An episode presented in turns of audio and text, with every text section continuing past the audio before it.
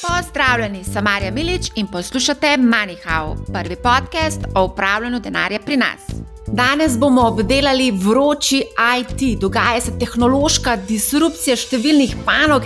Imamo fintech, agrotech, edtech, realtech, insurtech, cloudtech in tako dalje, ki disruptirajo in digitalizirajo tradicionalna podjetja.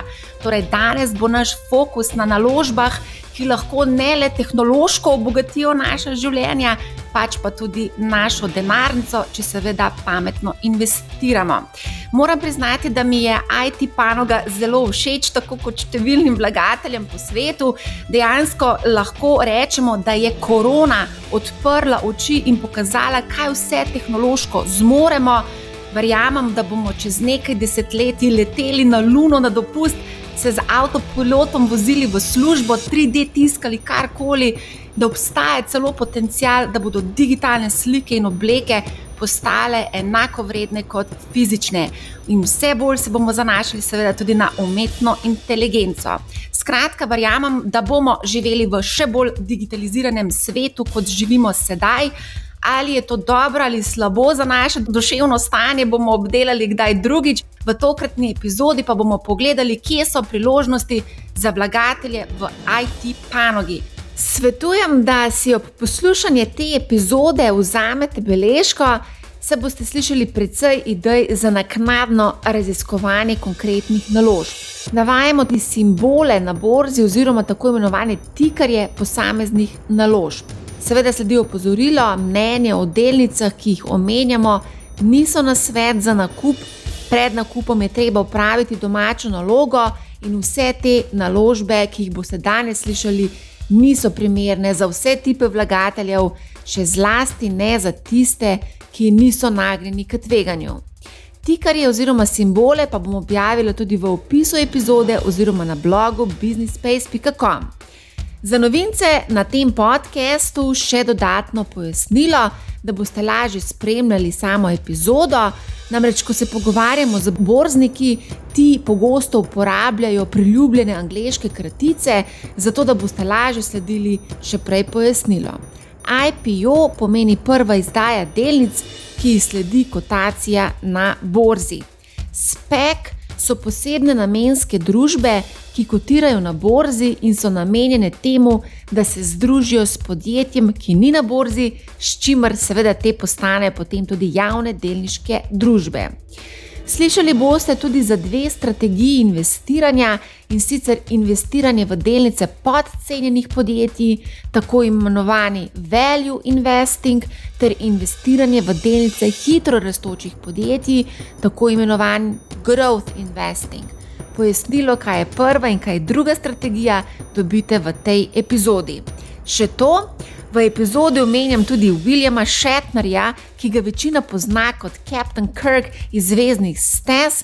In v času snemanja epizode ta gospod še ni poletel v vesolje, to pa se je zgodilo danes, 13. oktober. Spremljajte nas tudi na YouTube kanalu Marja Milič, pa tudi na drugih družbenih omrežjih prosim, delite podcast Manihau naprej, samo tako lahko širimo znanje upravljanja denarja in prepričana sem, da bi vsebina lahko prav prišla tudi vašemu partnerju, partnerici, mami, stricu, očetu, teti, sosedu, sošolcu, prijatelju, znancu, komorkoli. Torej, prosim, delite. V tej epizodi se bom pogovarjala z Alešem Grbičem, upravljalcem premoženja IT sklada v družbi za upravljanje Sava Infant ki upravlja enega najbolj donosnih skladov v zadnjih desetih letih pri nas. Zdravo, Aleš. Zdravo, Marija, pozdravljena. Kako si? Je super, ker sem s kolesom lahko šel zjutraj v službo, ravno nehalo deževati in sem lahko šel s kolesom v službo, kar pomeni, da je super začetek delovnega dneva. Um, si še mogoče z električnim kolesom, če že govorimo o tehnologiji? Zaenkrat, če lahko z na noge. In, in tudi mislim, da dokler bom lahko, bom, bom, bom na noge, ne, ne bom elektrika. Čeprav električni so pa zelo, zelo priporočljivi za pare, ne, ker ženske nimajo rade kolesarjenja. Ne, ne, ne bo šla v to. to. To pa ne boš z mano debatiral na tak način. Deva najprej takoj na začetku povedati, da pretekle donosnosti niso garancija za prihodne, ampak vsem deva najprej obdelati malce številke. Letošnje leto ni bilo zmagovalno za IT panogo, tako kot v zadnjih nekaj letih, čeprav panoga vseeno tudi letos za dobre dve odstotni točki je prehitela globalni indeks MSCI World, katerega vrednost se je do 12. oktobra, torej do včeraj, okrepila za 12,4 odstotka. In če pogledamo donosnosti družine panožnih indeksov, ki izhajajo iz tega globalnega indeksa MSCI, je trenutno IT panoga uvrščena na četrto mesto s 14,8 odstotno donosnostjo, Pred njo je letos zmagovalna energetska panoga, kar 39 odstotna donosnost, sledi finančna panoga, 24 odstotna donosnost in komunikacijske storitve, 15,4 odstotke.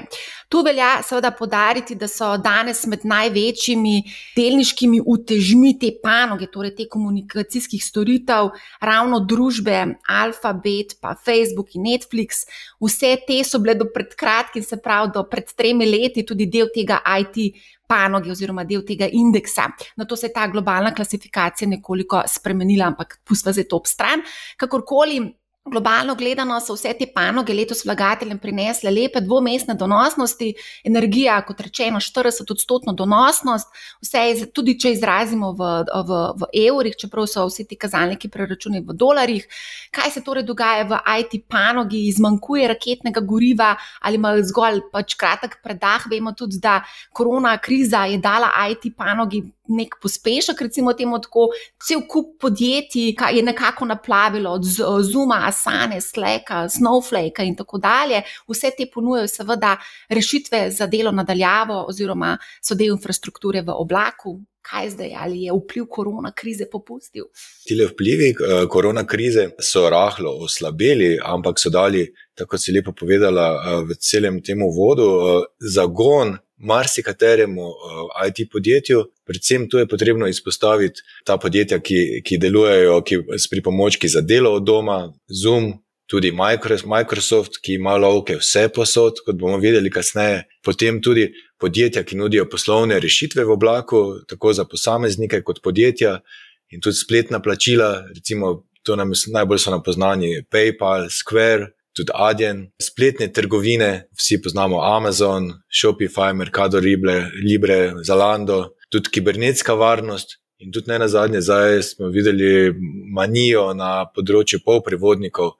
Zmagovalce imamo tukaj AMD, Nvidia, Taiwan Semiconductors, Analog Devices in, in podobni. In tu moramo omeniti vseeno, da je so določena, določena industrija bila navajena poslovati brez zalog, na področju polprivodnikov je prišlo pač do, do povišenega popraševanja iz drugih industrij, in tako je avtomobilska industrija ostala v čakalni vrsti daleč zadaj, in zato so morali pred kratkim tudi ustaviti določene tovarne, ker niso imeli, oziroma proizvodne niso imeli zalog čipov. In verjamem, da verjetno zdaj več ne bodo poslovali just in time, ampak bodo želeli imeti določeno zalogo. To je tisto ključno. Potem smo tudi lani tudi ta, ta trade iz growth v value in nazaj iz value v growth, in potem spet iz growth v value. Dejansko je obrestna mera, oziroma pričakovanja o obrestni meri, so tista. Ki, na, najbolj, najbolj negativna korelacija je tukaj eh, z obrestno mero, oziroma z, rast obrestne mere, potem padajo growth delnice, predvsem IT, ker če diskontiramo bodoče denarne tokove, je sigurno pomembno, ali imaš ali uporabljaš za netvegano obrestno mero 0,6 odstotka ali 1,6 odstotka, kar pomeni, da, da pač eh, imamo višjo zahtevano donosnost v višji obrestni meri. Ampak ne glede na vse, verjamem, da ima IT panoga svetlo prihodnost na srednji in dolgi rok in vrednotenja včasih grejo določene ekstreme, ampak tisti, ki investirajo na dolgih rokih, to ne moti. Um, eno vprašanje, oziroma pod vprašanje. Imamo kar nekaj poslušalcev, ki so na začetku svoje investicijske oziroma investitorske poti, pa mogoče, če lahko čisto na kratko pojasniš razliko med growth in value investingom. Gre za dva sloga investiranja. Value slog je blizu Warrenu Buffetu, kar pomeni, da. Value pomeni, da kupujemo nekaj, kar je podcenjeno, ker so delnice oziroma podjetja nizko zadolžena, imajo super prosti denarni tok, ne potrebujejo veliko investicij. In to so običajno podjetja v zrelih industrijah, in tudi, ki ne dosegajo neke više stopnje rasti. Potem pa imamo growth, segment investiranja, za katerega je značilno, da ima nadpoprečne stopnje rasti, vsaj 10 ali več, tudi 20-30 odstotkov rasti prihodkov na leto. Za njih je tudi značilno, da v začetnih fazah poslovanja poslujejo manj profitabilno, imajo nizke marže iz poslovanja, z rastjo obsega poslovanja se te marže povišujejo. Običajno dodajajo še zraven dodatne storitve ali produkte, ki jim še povišujejo marže, in potem uh, se kar naenkrat zgodi, da postanejo visoko profitabilna podjetja, ki pač pred časom niso, niso bila. In uh, običajno jih tudi spremlja zelo, zelo močna rast delnice. Zdaj smo omenjali, da so pač bili lepi donosi, dvomestni donosi. Um, in zdi se mi pa vseeno, da vlagatelje te dvomestne donose nekako ne potešijo, postali so v bistvu zelo, zelo požrešni in mogoče tudi razvajeni od vseh teh donosov, ki jih imamo v zadnjem desetletju. Ravno včeraj ali predvčerajšnjem sem objavila na TikToku en kratek video, ker sem omenila, da je poprečna letna donosnost zadnjih 50 let bila 8 odstotna kar je v bistvu lepa donosnost, ne, če pogledava, ampak niso bili zadovoljni. Pravijo, da to lahko zaslužijo v kriptu v enem dnevu. Da, mogoče tvoje mnenje o tem dojemanju teh donosnosti, ker tudi neverjetne donosnosti imamo posameznih IT podjetij, kot si omenil, so valuacije nekatere, po nekaterih podjetjih poblaznele. Najprej, najprej da povemo res 8 odstotkov je tisti, tisti donos, kateremu res raje sledimo. Takrat, ko so ostali pohlepni, vklopimo razum, zavedamo se, da letošnji donosi so, so takšni, ki, ki si vlagatelji lahko samo želijo in so skoraj neponovljivi, ne? verjetno so neponovljivi. Na drugi strani pa imamo kriptosvet, ker moramo vedeti, da lahko izgubimo vse. Ne? In če gledaš eh, tveganju prilagojen donos, če bi izračunali, bi, to, bi, to bi bilo neka prava mera, ker lahko realno primerjamo donose. Eh, v kriptosvetu sigurno so možnosti za izjemne zaslužke, ampak pomembno je tudi, kdaj vstopiš in kdaj izstopiš. Če nikoli ne izstopiš, imaš težavo. Ravno to se mi zdi, da je problem pri večini kriptovlagateljih, da ravno ne izstopijo, ker nekako pričakujejo, da bo to rasel v nedogled. Ne nikoli še do zdaj v bistvu niti niso bili prav, pravzaprav razočarani. Ne? Ampak se bova v kriptu potem malce več povedala. Prej si omenila, da od pretrgane dobavne verige, pa se deva najprej tukaj ustaviti, ker to se mi zdi kar zanimiva zadeva. Ravno včeraj sem bila na vezi z enim IT podjetnikom, ki mimo grede tudi najbogatejši, eden izmed najbogatejših slovencev in mi je dejal, da ima totalno štalo za dobavo materijalov. To verjetno čutijo praktično vsa podjetja po celem svetu, še zlasti IT podjetja. Um, in v bistvu zdi se mi, da je še dodatno alarmantna situacija na kitajskem. Uh, sicer kitajska partija že čisti neke ekscese, ampak se začenjajo dogajati neki novi ekscesi in sicer želijo nekako uh, prevzeti oziroma priključiti Tajvan kitajski, kar ustvarja dodatne napetosti. Za Tajvan pa moramo povedati, da je v bistvu proizvajalec več kot polovice svetovne proizvodnje, pol prevodnikov, ki si jih prej omenil. Kaj to pomeni za IT panogo in kako bo to vplivalo na razmerje moči v IT panogi? Ja, eh, tu moramo omeniti podjetje Taiwan Semiconductors, ki je eno vodilnih. Vladar v eh, sektorju polprevodnikov je ASML, nizozemsko podjetje ASML, katerega tehnologijo kupujejo vsi glavni proizvajalci polprevodnikov med njimi tudi Taiwan Semiconductors, Nvidia. In Taiwan Semiconductors je, je sigurno zelo nerodno bi bilo, če bi imeli izpad dobave tega podjetja, ki med drugim dobavlja tudi Apple, svoje polprivodnike. Upam, da bo prišlo do kompromisa, da pač Kitajska se ne bo polastila teh podjetij brez nekega dogovora in da bo tudi dobavne verige, da ne bi bile motene po svetu.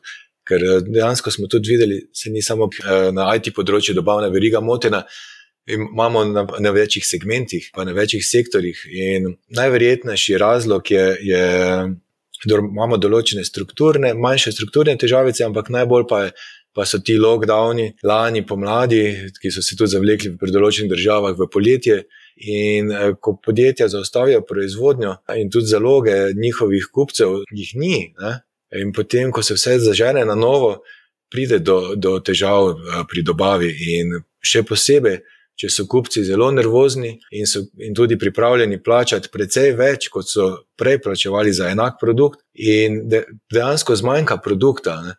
Na srednji rok se te, se te stvari eh, uravnotežijo, bodi se pride do tega, da pride dodatna ponudba na trg, ali pa začnejo podjetja uporabljati kakšne substitute, torej nadomestne, nadomestne proizvode od drugih dobaviteljev. In tako tudi verjamem tukaj, da se bo zgodilo to, ampak je vseeno potrebno nekje dve leti, tudi pri polprevodnikih, da, da lahko povečajo kapacitete. In sigurno je tudi gre za ameriška podjetja, se zavedajo, da morajo biti eh, neodvisna, enako Kitajska. Ne? In, in tu gre za, za tekmo, ki je med dvema vele silama, kjer je med drugim Kitajska zmagala že na področju umetne inteligence. To je včeraj bil članek v Financial Timesu in glavnem verjamem, da se bodo.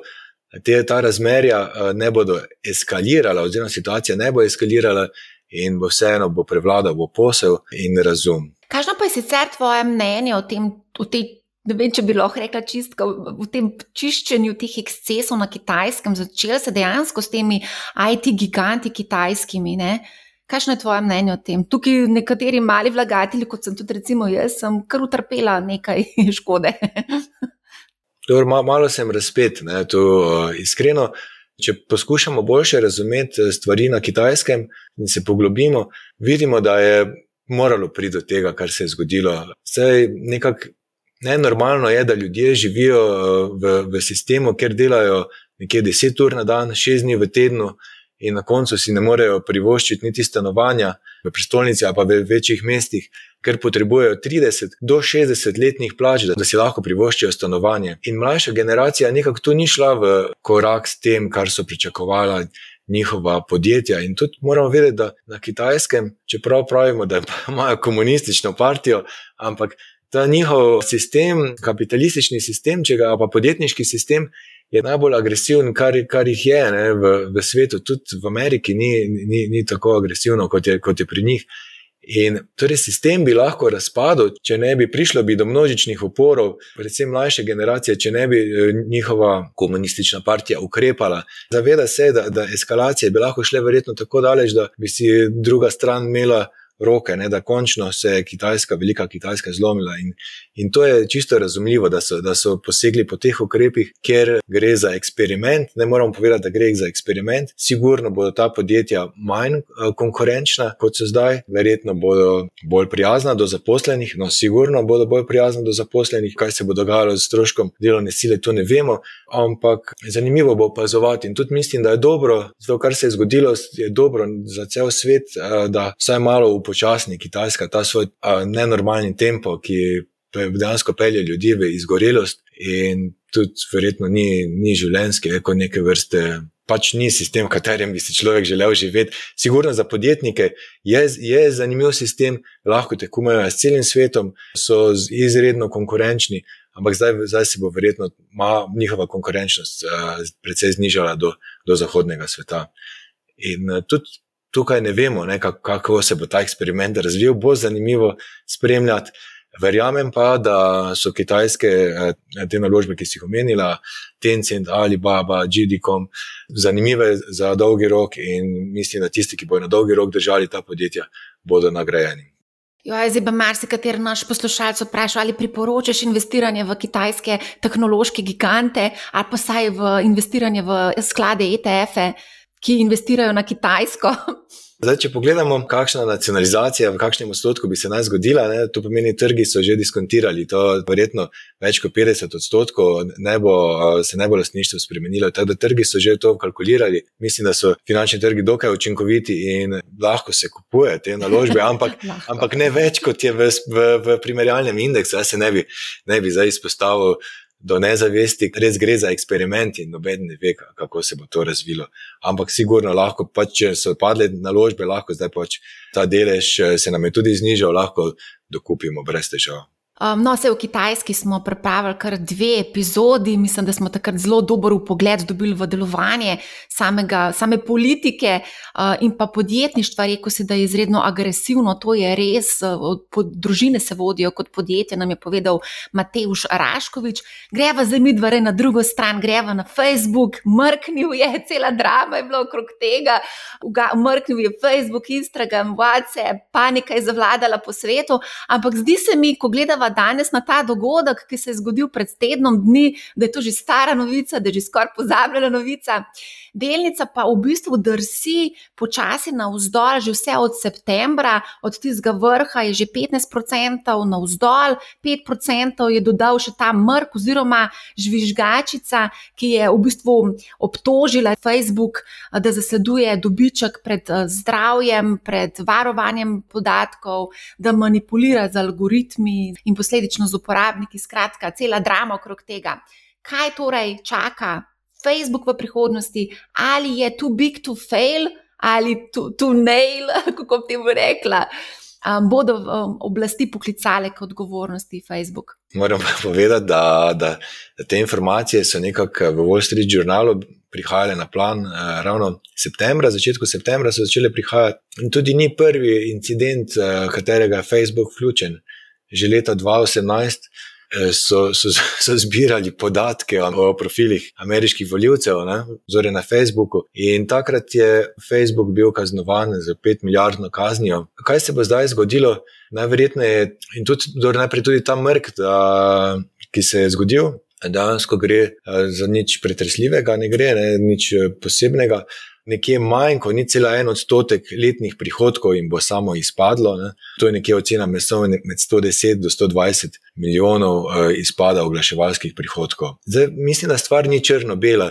Eni pravijo, da Facebook uh, žal nima zaveznikov v Washingtonu in je zelo sovražen. In verjetno bodo in demokrati in republikanci si želijo, da ga kaznujejo in to želijo si da se ta njihova praksa, ker, ker dajo dobiček pred javno dobro, torej pred zdravje ljudi, da se zaustavi, da se, da se nekaj spremeni. In sigurno bo, bo Facebook to prisiljen narediti. In potem se tudi postavlja vprašanje, ali bojo želeli razkosati, ker so preveliki, ker tudi medijem ne dovolijo nekdo, da bi obvladoval toliko in toliko medijev. Facebook jim obvladuje nekje 3 milijarde aktivnih mesečnih uporabnikov. Ima.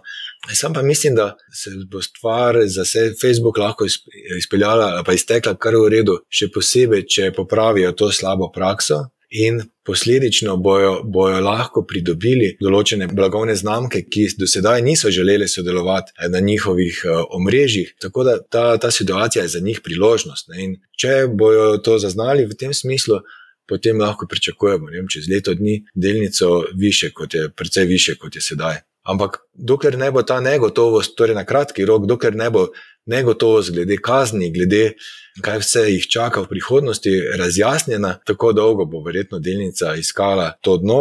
In uh, zdaj tisti, ki imajo radi njihov poslovni model, mogoče začnejo počasi po delih kupovati. Ne, in uh, verjetno več kot pol leta, pa tri četrt leta ne bo trajala ta negotovost, ker v Ameriki se stvari zelo, zelo hitro rešujejo.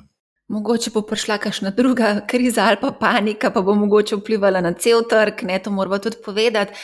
Mogoče bi v tem kontekstu omenila še druge IT gigante, ki so mogoče preveliki, da bi propadli. Pa mogoče se tukaj vseeno lahko spomnimo, da so v preteklosti giganti že propadali, recimo Nokia. Ne vem, če mladi sploh Nokia poznajo. Ja, Nokia je na drugem področju, ni več na področju telefonov. Ne? Nokia je bila vodilna ne, kot uh, proizvajalec uh, teh mobilnih telefonov, ampak pač njihov razvoj je šel v napačno smer.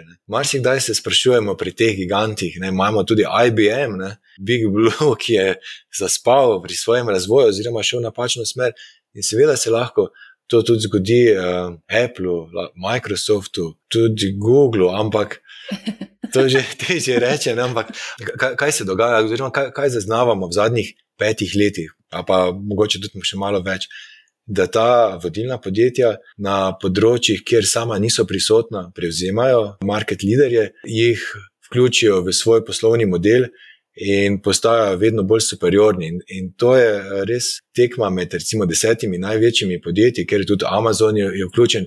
Se vidimo, da so prisotni na vseh možnih področjih, od poslovanja v oblaku, oglaševanja, na vseh zanimivih področjih so, so prisotni. In dejansko ta svoj mrežni efekt, eh, ker imajo uh, ogromno uporabnikov, uh, izkoriščajo sebi v prid, dogajajo se no, nore stvari, no, ki, ki si ne bi niti mogli misliti v preteklosti, da bo prišel do, do česa takšnega, kot je sedaj. In, in jaz dvomim, da bo Microsoft uh, čez deset let slabši, kot je zdaj. Ne? Lahko da bo pa še precej močnejši. Zdaj, če bi se vprašali, da so ta podjetja prevelika, ne? da jih je treba razkosati, jaz mislim, da ta, ta podjetja dokaj dobro sodelujejo uh, z regulatorji. Eh, in se tudi zavedajo teh svojih potencijalnih problemov, in, in zato niso arogantni, ne, tako kot mogoče Facebook, in si tega ne bodo dovolili, da se kaj takšnega zgodi. No. To je pač moje mnenje.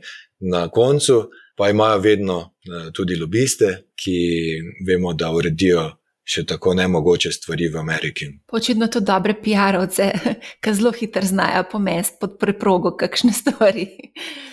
A greva mogoče vsem pogledati uh, zdaj še to IT disrupcijo številnih panog, v uvodu sem omenila healthtech, fintech, agrotech, eh, insurtech, realtech, cloudtech in ne vem, kakšne teke imamo vse živo, tudi vesoljska tehnologija. No, zadnje čase pogosto videvamo Viljama Šetnerja, ki ga večina pozna v izologe legendarnega kapetana Krka iz Star Trekov, ki se pripravlja na let v vesolje.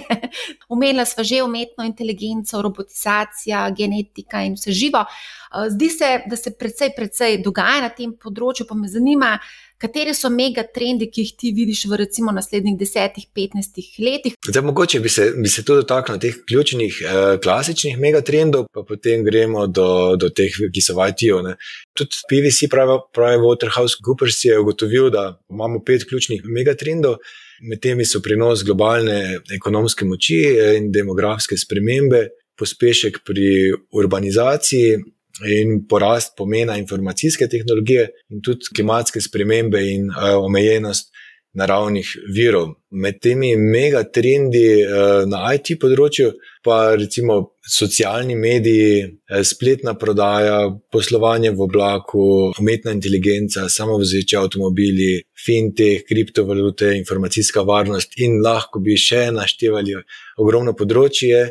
Tu bi pa rad omenil eno stvar, da pri teh večina teh startupov, ki delujejo kot disruptori, njih podpirajo pač privatni investitorji, ki so običajno neki vrste institucionalci, bodi si head skladi in pridejo zelo poceni do svojih deležev. In exit imajo običajno ti institucionalci preko bodi si preko spekov, ne, preko teh inovativnih inštrumentov ali, ali pa IPO-ja na borzi. In vseeno moramo biti eh, previdni, ko pride do kakšnih IPO-jev, da, da ne bomo mi kupovali od teh institucionalcev in boljše je počakati eh, nekaj četrtletij, čeprav je sigurno mamljivo vstopiti v takšne naložbe, ampak. Eh, ti institucionalci bodo sigurno bodo prodajali. Posebej potrebno pa je povdariti tudi to, da, je, da, morajo, da moramo iti v naložbe, ki imajo robustne poslovne modele in so market leaderji na svojih področjih. Zdaj, če grem, če se dotaknem vsake od teh na, na kratko, ne, glede eh, umetne inteligence in uh, strojnega učenja. Za katere tu se sprašujemo, kaj je COVID prinesel. Ne? COVID je tukaj prinesel pospešek pri uporabi, ampak še vedno so po anketah, ko so anketirali podjetja, ki, so, ki uporabljajo umetno inteligenco, je 43% podjetij povedalo, da so pospešili uporabo umetne inteligence, in samo 21 odstotkov pa jih je uporabilo umetno inteligenco za celotno poslovanje. Kar je res zanimivo, ne, da, da še vedno podjetja so dokaj konzervativna pri tem, da bi umetno inteligenco v večji meri uporabljala. In predvsej pa jih uporabljalo za posamezen ločen namen, eh, kar je nekako tudi racionalno. Ne, Sej, ne moremo takoj vsega zaupati umetni inteligenci. In tukaj so tudi kar, kar dokaj visoki stroški razvoja te umetne inteligence, ampak verjetno bojo, bojo prihranki na dolgi rok zelo, zelo visoki. Nekaj, nekaj podjetij je, ki tukaj poslujejo, nekaj javnih podjetij, ne, ki, ki bi lahko, ki, za kar lahko pogledajo naši poslušalci. Ena izmed njih je tudi Nvidia, ki ne posluje samo na tem uh, segmentu ampak je vseeno zanimivo, da, da se pač pogledajo. Nvidia ponuja svoj hyperscaler za infrastrukturo, za rast umetne inteligence. Potem imamo tukaj še Dark Trace, ki kotira na eh, simbol je Dark, kotira na, na londonski borzi, se je tudi ponudnik umetne inteligence za podjetja eh, in tudi je pionir umetne inteligence na in področja strojnega učenja. Potem pa imamo še ameriško podjetje CrowdStrike, simbol je CRVD, ki je tudi ponudnik kibernetične varnosti in uh, svojo infrastrukturo pač ima v oblaku. Ne. Tudi ena izmed zanimivih naložb. Ne. Potem pa imamo še zadnja, pa je recimo Sentinel, ki se ukvarja z temi avtonomnimi kibernetsko varnost eh, platformami. Eh, simbol je S. US. Tu so mogoče najbolj v tem segmentu, so najbolj takšni izraziti, pure play, drugače pa pri recimo cloud teh težko je eh, določiti posamično podjetje, mogoče 5 US, PATH US je simbol. Oni imajo platformo, preko katere se end-to-end -end userji avtomatsko srečujejo na tem področju. Potem pred kratkim smo imeli IPO, Confluenta, CFLT, US je, je simbol. Oni pač poslujejo na področju data infrastructure, tudi si lahko vlagatelj pogleda, ampak raje kot bi kupoval ta podjetja, ki so prišla na borzo, bi se odločil za ta večja podjetja, ki pač rastejo tudi na teh področjih. Pri virtualni resničnosti, ki ima ogromen potencial ne, in tudi To je en, ena izmed, verjetno, novih revolucij v naslednjih letih. Ne. Tudi nimamo nekega čistega igralca. Ne. Mogoče Unity je tisti, ki je ta čisti pure play, drugače imamo tu Google, Apple, Microsoft, Facebook, Snapchat in, in ostali. Ne.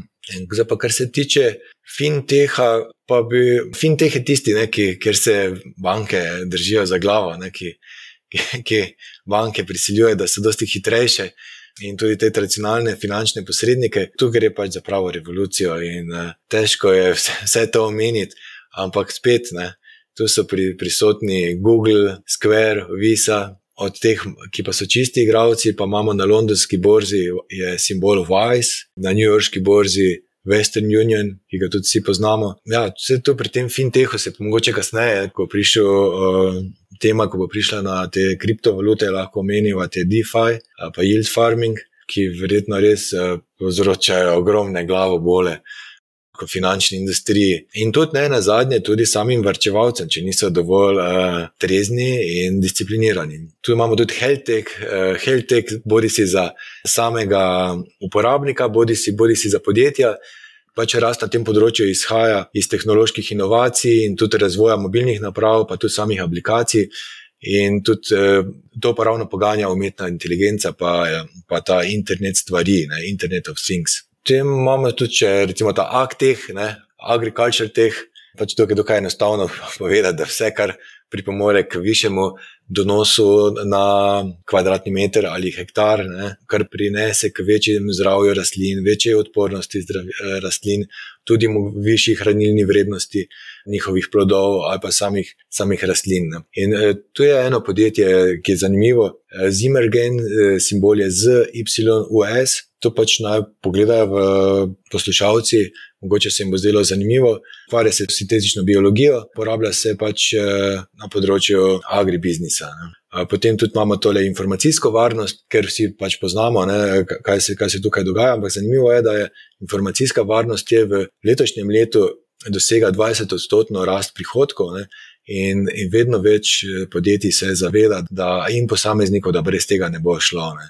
In tudi do leta 2024 bo, nekak, bo ta rast po nekih ocenah znašala slabih 17 odstotkov. To je zanimiva naložba je uh, Dark Trace, ki kotira na londonski borzi in je ponuja umetno inteligenco podjetjem, nekaj smo, smo ga tudi že omenili. In, in eh, še, en, še eno podjetje, katero smo tudi omenili, je Sentinel, ki tudi ponuja te avtonomne uh, kibernetske platforme za kno, za kibernetsko varnost. In za kar pa se tiče te mobilnosti, ne, ki pa je tudi ena takih dokaj enostavnih rešitev, bi rekli za čisto energijo, kar pa v resnici ni. Ne. Smo videli dan danes, da, da čista energija pač trenutno ne more rešiti te energetske krize. Krivda je na strani politikov, ki niso dovolj eh, skrbno načrtovali, da vseeno moraš imeti stabilne vire, ki ti omogočajo poceni električno energijo vse čas, eh, za, za tisto vrhno porabo, potrošnjo pa, pa imaš eh, obnovljive vire, oziroma vire, ki niso toliko stabilni. Ampak tega se,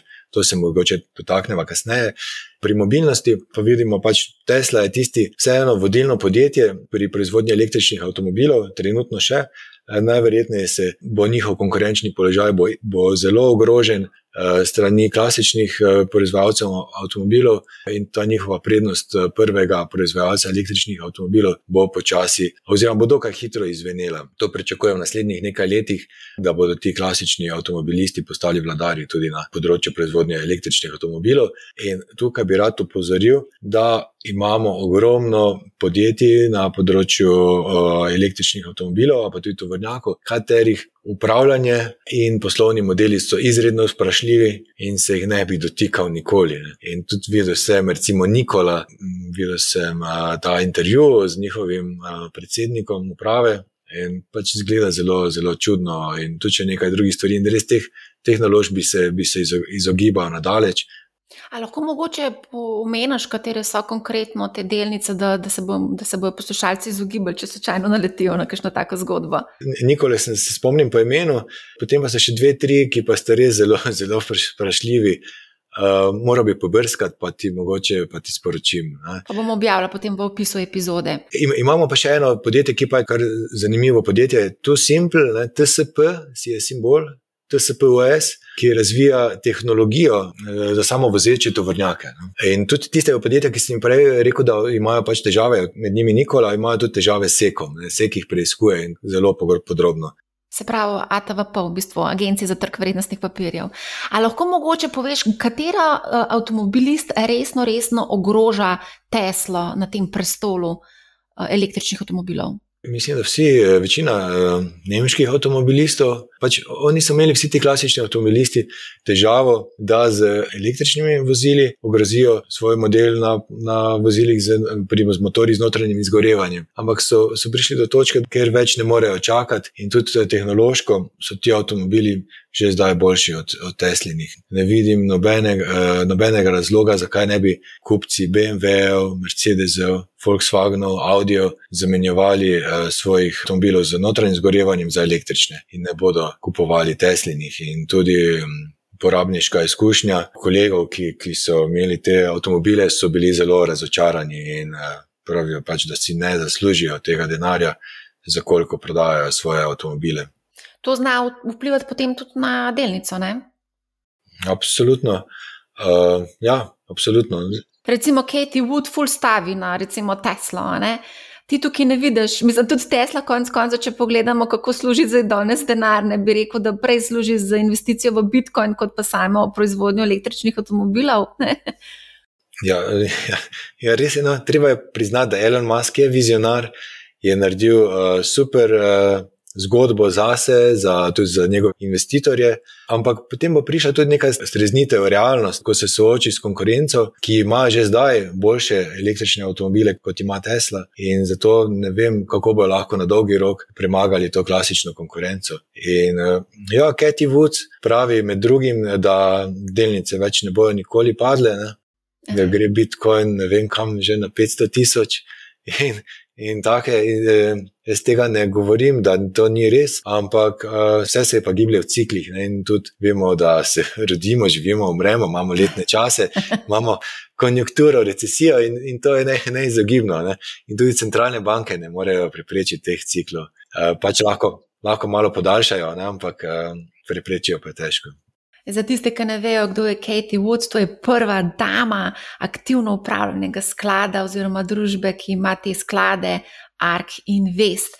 A greva mogoče omeniti še Uber v tem kontekstu prevoznikov? Kakšno je tvoje mnenje o Uberju in podobnih aplikacijah, ki so seveda na borzi? Ja, sigurno Uber išče svoj, svoj prostor tukaj. Uber ima zanimiv poslovni model in tudi verjamem, da, da na srednji rok in tudi dolgi rok bo, bo zanimivo ne? poslovanje. In, uh, Po mojem, bo tudi vedno več ljudi uporabljalo njihove aplikacije, tudi eh, s tem, ko milenici eh, bodo vedno bolj pridobivali na, na vlogi, eh, se bo tudi navade ljudi spremenjale. Tudi zdaj, če pogledamo primerjavo s tem, kako so pametni telefoni zamenjali naše osebne računalnike, kar si pred desetimi leti tega nismo mogli niti malo razlagati. In, in tudi v teh V večjih, v večjih mestih eh, se že zdaj, predvsej ljudi nima svojih avtomobilov, raje uporabljajo javni prevoz. To je Uber, Uber je dobro, dobro dopolnilo tega in mislim, da strukturno dobro umešča v, v našo prihodnost, ki je čez 5 do 10 let. Ja, statusni simbol pri mladih ni več avtomobil, ampak pametni telefon. A greva mogoče sam pogledati, ta panoga me je tudi blazno zanimiva, sploh, ker se je začela korona, se je zgodila tudi ta eksplozija. Eh, ponudnikov, ki dostavljajo hrano in tudi druge stvari, ne samo hrano, zdaj že vse živo dostavljajo v enem dnevu, ti dostavijo iz trgovine neke, neke gadžete, tudi če, če jih naročiš. Ne. Skratka, tukaj tudi eh, Uber je recimo močen z Uber Eatsom. Nekaj časa se je špekuliralo, da bo tudi Uber prišel v Slovenijo, ampak zdaj so te govorice mal potihnile. V Ameriki imamo potem tukaj še DoorDash, potem imamo še Just Eat, Deliveroo. Skratka, dogaja se res eksplozija teh ponudnikov. Kakšno pa tvoje mnenje o tem? Mislim, da so ta podjetja precej pomagala v lockdownih in takrat so tudi dobili, so videli, kaj lahko vse, kaj potrošnik vse potrebuje. In mislim, da je dobro, da, da obstajajo storitve, ki potrošniku olajšajo življenje in eh, tudi tiste, ki bo dejansko mu olajšajo, bojo preživeli in se še naprej razvijale in nadgrajevale. Ker dejansko gre za neke vrste evolucijo, se tudi človek se razvija več čas in eh, pozdravljam ta trend. Ja, tle v Ljubljani moram reči, da smo zelo smo odvisni postali od vseh teh dostavljalcev raznih. Uh, hrane in podobno. Mogoče bi še eno zadevo v sklopu teh tehnoloških firm, ki jih je mogoče korona najbolj prizadela, bi se zdaj dotaknila in sicer. Tukaj prej si omenjal IPO-je, pa kako ni smiselno, takoj ko se zgodi prva izdaja delnic, takoj v isti dan ali pa naslednji dan iti v nakupe. Recimo tukaj mi je takoj padlo na pamet Airbnb, ki je v bistvu v prvem dnevu kotacije, v bistvu mislim, da je delnica poskočila za 100 odstotkov, če se ne motim. Ne. Pa me zanima, e, in tudi ravno včeraj sem brala članek o Airbnb, ker mu analitiki napovedujejo eksplozijo, če že se spreminjajo navade ljudi in da bodo vse bolj posegali po to tovrstnih nastanitvah, pa me zanima, recimo, še tvoje mnenje glede uh, tega. Ja, glede Airbnb ali glede na splošno? Glede Airbnb, lahko mogoče, če želiš, lahko dodava tudi druge panoge, ki so bile najbolj prizadete, recimo letalska panoga. Recimo Raškovič eh, je v epizodi, ki smo govorili o Kitajski, je omenjal, da je investiral denar v novozelandske in avstralske letalske prevoznike, čež da ne bodo propadali, tako kot je Adrija, ker pač otok je odvisen od teh letalskih povezav. Pa me se zanima, recimo, to mnenje na splošno. Sigurno lahko pričakujemo enkrat okrevanje v, z normalizacijo razmer primer, eh, pa ja, jaz, jaz pričakujem, no, pač, da tale, tale uh, virus bo izvenel, upajmo, do pomladi, in uh, s tem bo se tudi življenje vrnilo v normalo. In tudi, kar pomeni, da vsa, vsa ta industrija, ki je bila najbolj prizadeta, se bo takrat pobrala. Ampak mislim, da to finančni trgi tako tak, so, so že ušteli v, v cene noter. Sigurno je dokaj tvega nastava v, na, na odboj teh ciklikov in um, to si lahko privoščijo izkušeni vlagatelji, tisti, ki lahko sprejmejo precej tveganja in imajo res armiran želodec nekaj podobnega, kot velja z, z temi, ki investirajo v kriptosvet. Za, osta, za ostale, ne vem, če, bi, če je to smiselno, ker gre bolj za neke vrste kazino. Mislim, da ni. Bolj za šport, ne, če, že, če že investiraš neki manjši znesek, ne pa, ne, ne pa, ne pa večjih zneskov, pa, pa, pa, pa odstotno, ne, glede na tvoj portfelj. Ja, noč pa, pa greva kar na kripto, to, to moramo tudi obdelati. Ne. Tukaj se dogajajo eksperimenti in v bistvu inovacije se razvijajo s praktično svetlobno hitrostjo. Čeprav večina teh inovacij še vedno živi, recimo temu, v tem mehurčku, se pravi znotraj kripto panoge in ne toliko v recimo, resničnem življenju. Ampak vseeno imamo pa tudi na borzi kar nekaj podjetij, ki prihajajo iz kripto sveta, recimo kriptomenjalica. Coinbase, pa recimo Robin Hood je delno, ki seveda tudi omogoča investiranje. na kriptotrge, imamo tudi podjetja, ki investirajo v kriptovalute, omenila sva že Tesla, potem je tukaj zelo močen tudi MicroStrategy. Pa me zanima tvoje mnenje, kaj se ti misliš o teh tovrstnih naložbah, da nekako naredimo obvod od recimo kriptotrga, če ne želimo investirati na kriptotrg, ampak želimo biti del tega po drugi poti. Kriptotrg je res v polnem nekem razcvetu. Imeli smo v preteklosti, mislim, že tri te uh, bikovske cikle, in vsak se je končal z nekje 85-odstotnim padcem Bitcoina. Zdaj ne vem, ali bo drugače, ne, dosti krat slišimo, tokrat bo drugače. Ne. To povem samo zato, da, da so ljudje previdni, da ne vložijo vsega v, v te naložbe, da se sigurno izjemno zasluži. Med drugim pa vemo, da so druge valute eh, so pa padle še dosti bolj, nekatere tudi 95 odstotkov od vrha. Ne.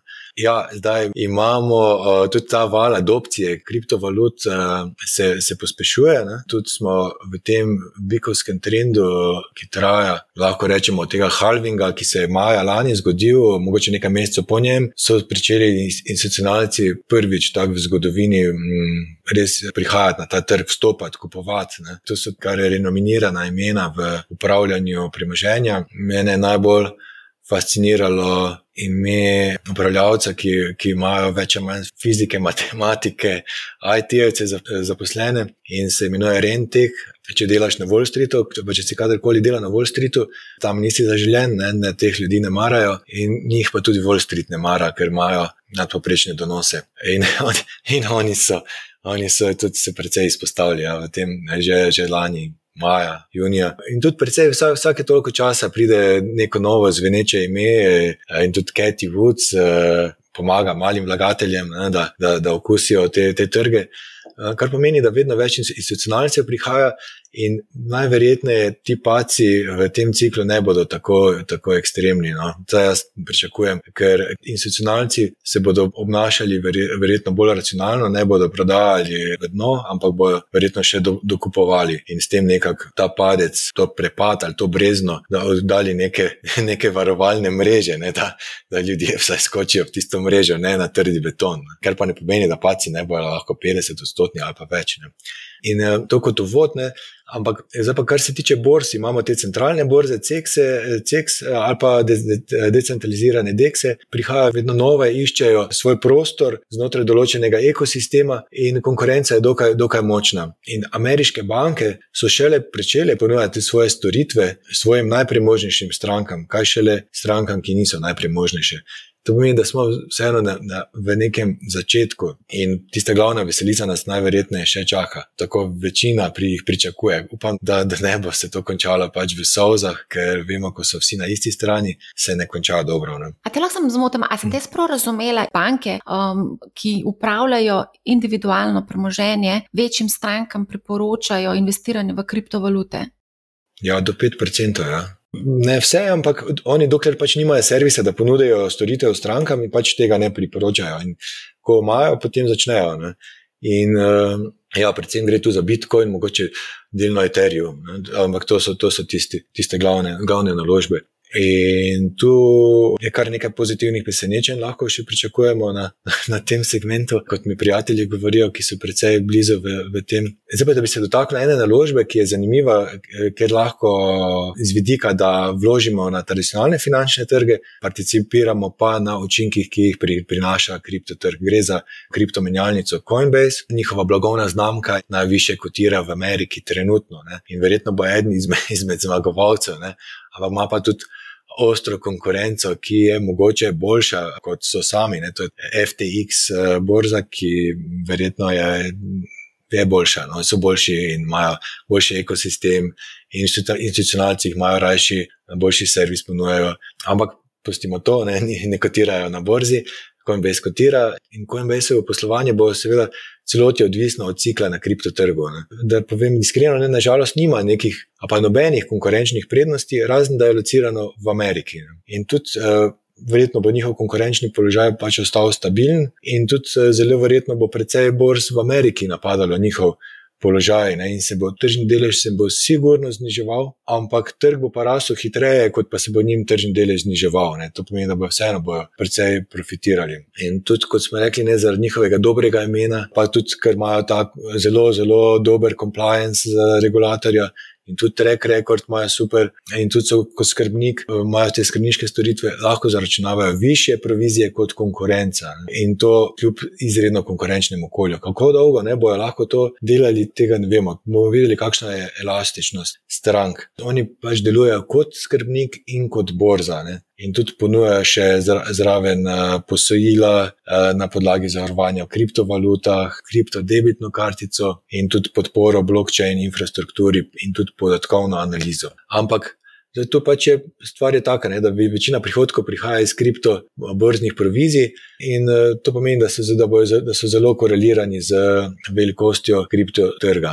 Zdaj, če izpostavim dobre stvari, smo rekli, uh, vodilni ZDA in tudi dobro ime imajo in tudi poudariti, da so najboljši pri tem, ko umeščajo na borzo nove žetone in to pomeni, da s tem še povečujejo izpostavljenost do rasti tega trga. Ne. Imajo pa tudi možnost, da rastejo na globalnem trgu, ko bodo dobili dovoljenja pač tujih regulatorjev, kar pomeni, da bodo lahko ogrozili položaj eh, Binance kot vodilne borze na svetu, kriptoborze, ki pa je regulatorji po svetu nekako ne marajo. Ne. Mogoče, ker je lastnik Kitajec in eh, veliko jurisdikcij je že eh, dalo skoraj na črno listo. Ne. V Ameriki dejansko američani ne morejo uporabljati teh servisov in tudi iz Anglije ne morejo več nakazovati. Dejansko je kot da je Coinbase na svojo stran dobil zahodni svet, ki lobira za njih in proti Binance, kar je zelo pozitivno za Coinbase in ostale zahodno usmerjene borze. Negativna stvar pa je ta, ne, da lahko pričakujemo visoko volatilnost prihodkov Coinbase, ker so vseeno zgodovinsko bili ti cikli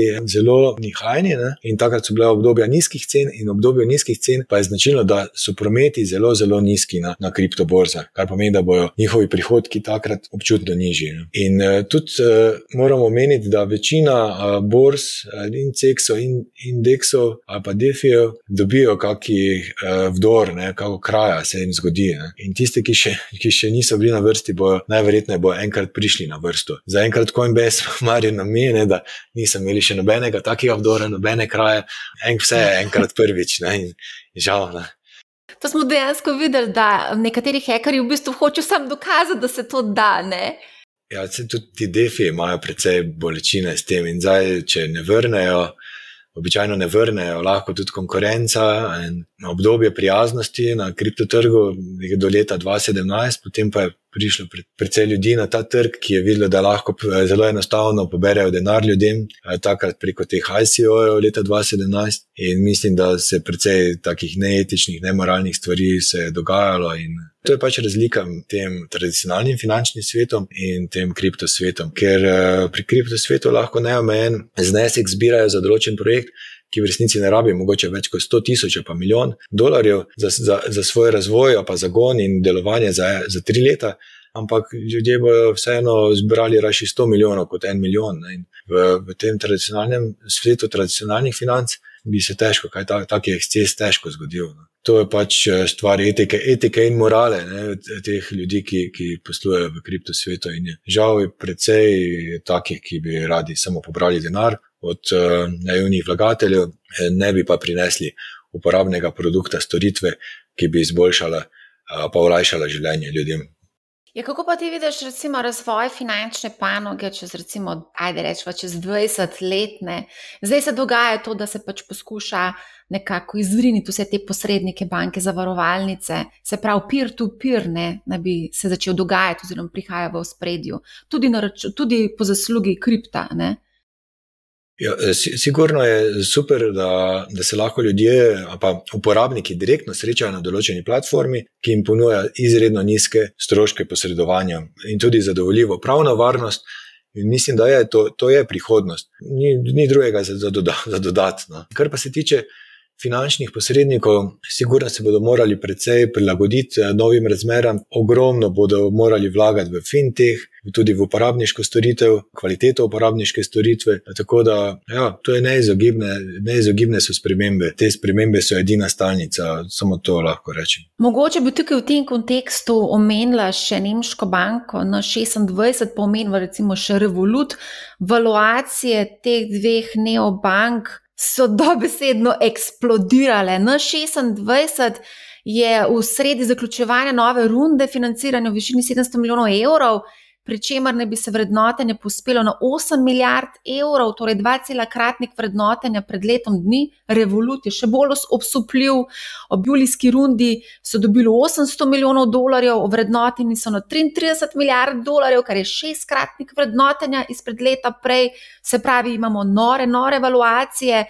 Tudi slovenci predvsej uporabljajo na 26 in Revolut. Revolut, mimo grede, omogoča tudi nakup kriptovalut in delnic na 26, pa je zdaj to tudi napovedala. Kaj zdaj to pomeni, koga zdaj disruptirajo banke in menjalnice in božne posrednike? Ja, dejansko vse. Če, vse. Ja, se, se te vrednotenja sama kažejo, ne, kje, kaj trg misli o tem, kakšna je prihodnost teh podjetij. Ti tradicionalni finančni posredniki, ki se niso prilagodili, bodo bo izgubili. Ne, in, In milenici, težko da bodo uporabljali te tradicionalne finančne posrednike, razen če jih bodo pritegnili s čim uh, posebnim. Ne? Ampak potrebno je razumeti filozofijo milenicev in tisti, ki, ki to razume, tisti, ki bo imel ob sebi. Ne? In to pa vprašanje, če pa so če so tradicionalni finančni ponudniki tega sposobni. Žal. Ja, to bo zelo zanimivo opazovati. No, moram priznati, da, da bo zelo zanimivo obdobje za te klasične banke. da, a greva mi dva kar naprej, greva pogledati še malo v to našo kristalno kuglo. In me zanima, katere naložbe bi dal na vrh privlačnosti za obdobje petih let, pa če lahko izpostaviš, recimo, top pet. Microsoft je sigurno naložba, ki bi jo želel imeti. Eh, Microsoft je dejansko prisoten na, na vseh segmentih, mi ga poznamo po njegovem operacijskem sistemu Windows, dejansko nudi podporo poslovnim uporabnikom.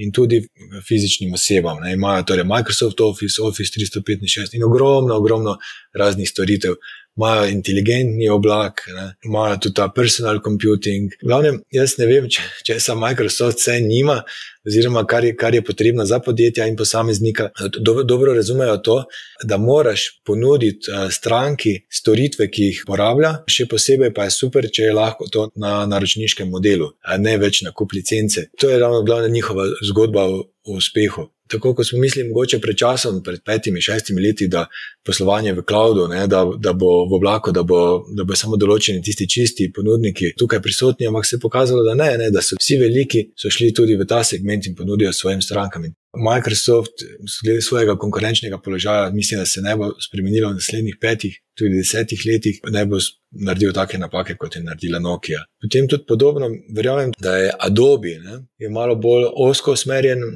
usmerjeno podjetje, ampak tudi verjamem, da za naslednjih 5 do 10 let bo to podjetje zanimiva naložba in ne bomo rabili spremljati nič kaj, oziroma sploh ne te, te naložbe. Ne. In pač digitalna vsebina, ne, oziroma digitalizacija je, je tisto, kjer so oni zadeli terno, pa zadeli na loteriji in naročniški model. Ne.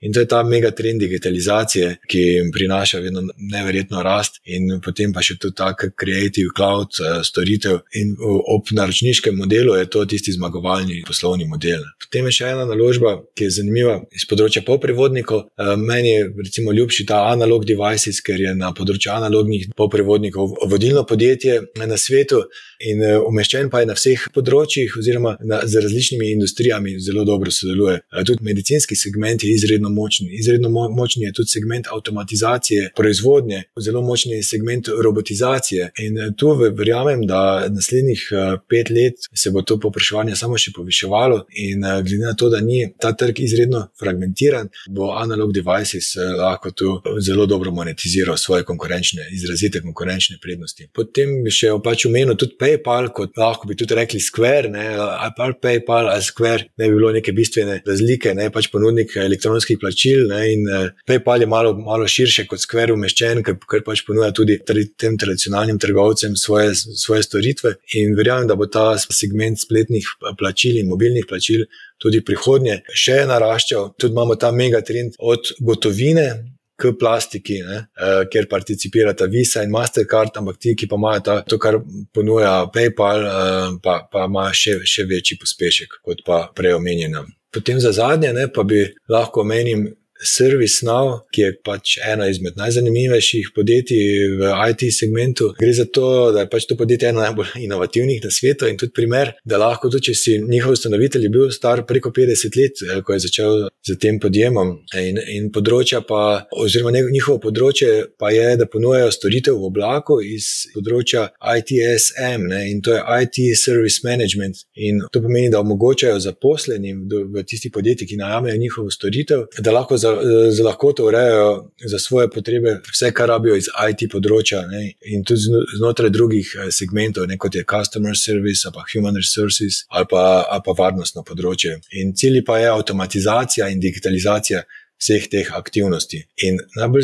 zanimivo je to, ne, da njihove stranke, večina strank jih ne zapusti. Torej, 98% imajo retention rate, torej pomeni, da se vračajo stranke, predvsem zaradi visokih stroškov zamenjave. Uh, imajo nekje okoli 30% stopnjo rast prihodkov in tudi prihodnje bo ta rast uh, nekako ostala ne, na tej ravni, mogoče se bo malo upočasnjevala. Jaz, jaz tu mislim, da, da to podjetje bo vseeno zelo, zelo dobro za naš portfelj. Uh, verjetno se bo profitno marže še poviševale, s tem, ko bo to postalo vedno bolj zrelo. Ne na zadnje pa moram tudi omeniti Amazon, ki je nek ta vladar eh, spletnih trgovin in vsega, kar človek potrebuje. Lahko bo se zgodilo, da tile, ki dostavljajo elektroniko oziroma vse možne stvari na dom, da, da ga bojo ogrozili, ampak dvomim pa, da, da bojo imeli takšen nabor uh, produktov in storitev, kot jih ima Amazon. In Amazon ima zaradi tega izrazit mrežni učinek, ki ga nobeno drugo podjetje na področju spletne trgovine nima mogoče Mercado Libre, ki je, da, bilo, da omenimo, to je pač južnoameriški Amazon, ima po, enak poslovni model kot Amazon. Super, odlično. A mogoče tukaj šlo dodava, da preden vsak posameznik investira v katero,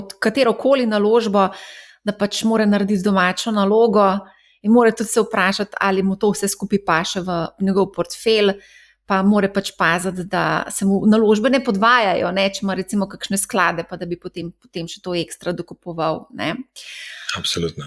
A greva zdaj o mogoče panoge? Prej si na začetku si omenil, da se ti zdi itak IT panoga ena izmed tistih, ki bo v prihodnjih letih ne, med vodilnimi. Katero panogo še vidiš med najbolj zanimivimi? Na, na kratek rok, bi kljub tem visokim preteklim donosom, je sektor energije zanimiv, ker ta energetska kriza dobiva vedno nove aspekte, eh, spoznavamo in vidimo, da se stvari ne bojo, en, dva, tri se ne bojo re, rešile. In to so zato so pač krivi politiki, ki so stabilne vire energije, ki niti niso eh, toliko omazani, so jih prepovedali ali pa omejili njihov razvoj. In zato mislim, da nekje 12 do 18 mesecev je sektor energetike lahko zanimiv si posamične naložbe, bodi si pa tudi cene eh, posameznih surovin, nafta, plin, elektrika, premog. Ampak moram povedati, da tu lahko pričakujemo visoko nihajnost in tudi gre za kratkoročno, izredno kratkoročno naravnan neki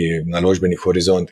Srednjeročno, dolgoročno naravnan naložbeni horizont pa sigurno je IT sektor. Vse te stvari, ki smo jih prej omenjali, sprememba navad potrošnika, sprememba navad podjetij, inovacije in vse ta tehnološki razvoj razvoj, bo kreira našo prihodnost. In um, verjamem, ne, da, bo, da bo sektor informacijske tehnologije in tudi ta podjetja, ki so določene dvoživke, kot je Amazon, Facebook, Google in tudi eh, razni spletni trgovci, bodo, bodo precej pridobili še v naslednjih petih do desetih letih. Um, mogoče, če se lahko stava še pri inflaciji, kakšno je tvoje mnenje, tukaj so zemljenja deljena.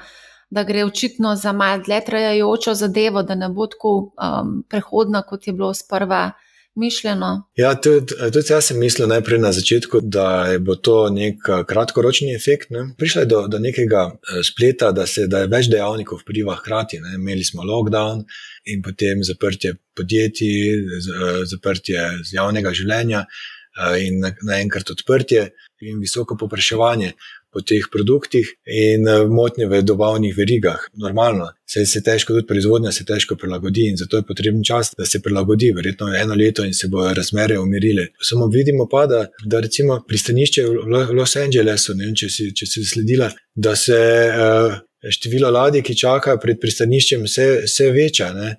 In kapacitete pristanišča v Los Angelesu se niso poviševali dovolj hitro, koliko se poviš, povišuje pritovor. In, in to, so, to so te stvari, ne, kar bo potrebno celotno infrastrukturo ustrezno prilagoditi, tako da bomo bo, bo tudi verjetno te dobavne verige se čisto normalizirale. Ne. Zdaj pa bomo pač imeli določena oska grla. Koliko časa bo, bo trajalo?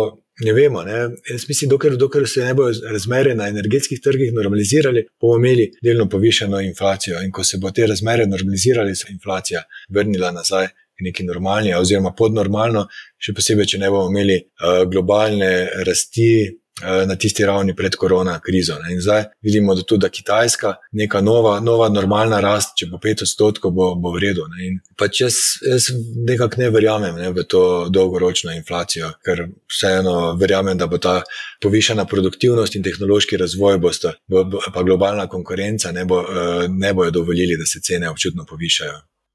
Ja, zdaj bo marsikdo rekel, ja, da čutijo že posamezniki, čutijo uh, na svojih žepih. Ne. Tudi zdaj smo videli, da bojo povišali se um, elektrika, pa uh, zemljski plin in to bojo vse čutili, videli na položnicah. Ne. Tako da nekako se mi zdi, da ljudje vseeno malo dvomijo v to kratkoročno obdobje povišene inflacije.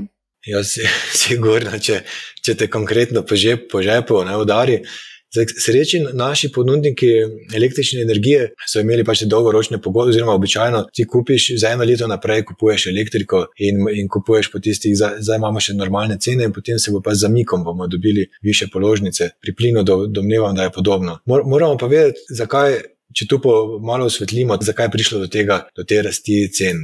Pač vemo, da smo imeli pospešek, eh, želeli smo, da, si, da se zgodi pospešek pri prehodu k obnovljivim virom. In uh, ravno zaradi tega pa smo imeli ta dobavna veriga energentov postala vedno bolj krhka. Ne? In tudi v naslednjih teh desetletjih lahko pričakujemo vedno več takih uh, dogodkov, kot je ta zdajšnji, ne, ko imamo eskalacijo cen energentov, ker dejstvo pa je, da, da popraševanje po, po fosilnih gorivih bo ostalo močno, ne, na drugi strani pa bo ponudba dokaj negotova ne, tistih eh, iz obnovljivih virov. Pozitiven dogodek v zadnjih eh, dnevih je ta, da je Evropska unija dovolila svojim članicam, da uvrstijo jedrsko energijo, bodi si med čisto, bodi si med umazano energijo. Ne. In vemo, da je jedrska energija pa je en izmed najcenejših virov, ampak je, je res, je, da je dražji, malenko dražji od uh, sončne ali pa veterne, ampak sončna in veterna pa niste stabilni, ne moremo 24 ur na dan dobavljati. Ne. To pomeni, da eh, eh, sončno veterno lahko shranimo, imamo, imamo pa stroške shranjevanja energije in potem tudi prenosa energije, kar je določen handicap teh virov, alternativnih virov. In zdaj upajmo, ne, da se bodo politiki nekako spometovali in dokler, dokler ne bodo obnovljivi viri dovolj stabilni, da bodo lahko, da bodo dovolili, da se odprejo jedrske elektrarne tam, kjer so jih zapirali. Ne. Tu predvsem velja Nemčija in Belgija, sta leta 2011 zaprli svoje jedrske, jedrske elektrarne po tistem incidentu v Fukushimi in tudi Švica, ne. Italija, Španija so, so, nehali, so nehali z graditvijo no, novih reaktorjev. Ne. To je dejansko razlog za kaos ne, v, eh, pri cenah električne energije v Evropi. In eh, pač, žal so politiki precej krat eh, dokaj neracionalni ne, in kaže se tukaj na tem trgu električne energije. Potem pa moramo tudi vedeti, kaj pa se je v, na Kitajski, kakšna zgodba pa se je tam zgodila. Ne. Oni so tudi omejili proizvodnjo iz premoga leta 2012. Poraba pa se jim je poviševala. Res je, da so največ jedrskih reaktorjev zgradili, imajo 4,9 odstotkov električne energije proizvedejo iz jedrske energije, ampak uh, tisti presežek popraševanja, ki, ki prihaja zaradi njihove gospodarske rasti, pa bi morali, pa bi morali obnovljivi viri eh, nadomestiti, kar pa je ne mogoče. Ne? In tudi ogromno so povišali eh, število hidroelektrarn, ampak ne uspejo dohajati tega razkoraka ne, med popraševanjem, novim popraševanjem in tem, kar lahko dobavljajo. Kitajska je središče svetovne proizvodnje ne, in, in, in ravno ob močnem ukrevanju gospodarstva uh, v svetu. Po teh lockdownih so kitajska podjetja dobila ogrom, ogromno naročil, ne normalno novih naročil. Ne. In predvsem na tih, na tistih področjih, ki so energetsko intenzivna. In to je pač močno po, povečalo porabo električne energije na kitajskem in še zaostrilo razmere na njihovem trgu. Ne? In zato izklopi eh, elektrike za gospodinstvo. In uh, potem so še potem take politične, politične odločitve, kot je, bila, kot je bila odločitev, da ne bodo uvažali uh, avstralskega premoga, Zaradi tega, ker pač se je Avstralija pridružila zahtevi, da se razišče, kje je ta virus COVID pobegnil. Ne? In um, pred tednom niso preklicali to odločitev, ker so videli, da ne morejo uh, dobiti dobi dovolj premoga iz drugih, od strani drugih dobaviteljev, uh, iz Indonezije, Malezije in zdaj spet uvažajo iz uh, Avstralije. Ne? In tudi lahko omenimo, da kot naložbene priložnosti slučajno BHP, eh, Rio, Anglo-American, ki imajo vsi v svojem portfelju dokaj velik segment premoga. Čistih teh eh, podjetij, ki se ukvarjajo z izkopom premoga, ne bi nekako menil. Ta podjetja so dokaj depresivna, bila od vse od leta 2011, so jih delničarji kaznovali, oziroma vse, vsi skupaj kaznovali regulatorji eh, zaradi teh izpuhov, delničarji, ki so rekli, da morajo se razdolžiti, da ne smejo več vlagati v, v, v dodatne v širitev kapacitet. Podobno se je dogajalo tudi z, z družbami na področju oil and gas. In s tem, ko so bile cene, cene zelo nizke, precej podjetij je propadlo ali pa so bila zelo zadolžena in so potem se lastniki lahko odločali, kaj bodo naredili. Ali bodo prosti denarni tok usmerili v odplačilo dolga, pospešeno odplačilo dolga, ali pa zniževali dolg. In ker, ker je prihodnost bila dokaj nejasna, so se odločili večinoma za zniževanje dolga. In skoraj nič niso investirali v, v nove raziskave, novih zalog zemeljskega plina ali pa nafte. In, in to je pač ta perfektni scenarij za to, da, je, da so cene plina, recimo vem, iz 2 dolarja, zdaj 35 na japonskem, in američani veselo prodajajo, ti proizvajalci Shell Gasa veselo prodajajo plin po celem svetu in vsega ekstremne marže, kar pa ne bo trajalo v nedogled, sigurno se bo razmere se bodo uravnovesile in dodatna ponudba bo prišla na trg in nekako lahko pričakujemo, da se bodo cene približale spet normalnim. A greva mogoče res na kratko še pokomentirati uh, postopno zviševanje obrestnih mer. Kot vemo, imamo trenutno izredno nizke oziroma negativne obrestne mere. Centralne banke so že napovedale, da bodo zmanjšale odkupovanje obveznic, kako zelo so občutljive IT delnice na dvig obrestnih mer. Glavna trenda sta se zgodila v, v tem zadnjih 18 mesecih na teh grovodelnicah, ko so se inflacijska pričakovanja, pa pričakovanja glede zahtevanih donosnosti obrestnih mer povišala, takrat so, so pa te delnice doživele korekcijo, bi rekli, nek zdrav popravek. Ja, negativna korelacija, višanje obrestnih mer, padec cen delnic IT sektorja. Ampak to gre pač za, za to kratkoročno prilagoditev na dolgi rok in na srednji rok so poslovni rezultati tisti, ki premikajo cene delnic, in zato me nekako ne skrbi srednjeročno in dolgoročno za ta podjetja. No, evo, a greva za konec, za veliki finale, greva se še dotakniti malo Slovenije. Ne moramo omenjati IT podjetja in se ne dotakniti Slovenije. Veliko se dogaja, predvsem na področju malih in srednje velikih podjetij ampak lahko rečemo, da v zadnjih letih nekako v Sloveniji niso nastajali neke velike uspešnice, IT uspešnice oziroma giganti, recimo tako kot na Hrvaškem, Infobip, ne pa recimo avstrijska Bitpanda, oba ta samoroga.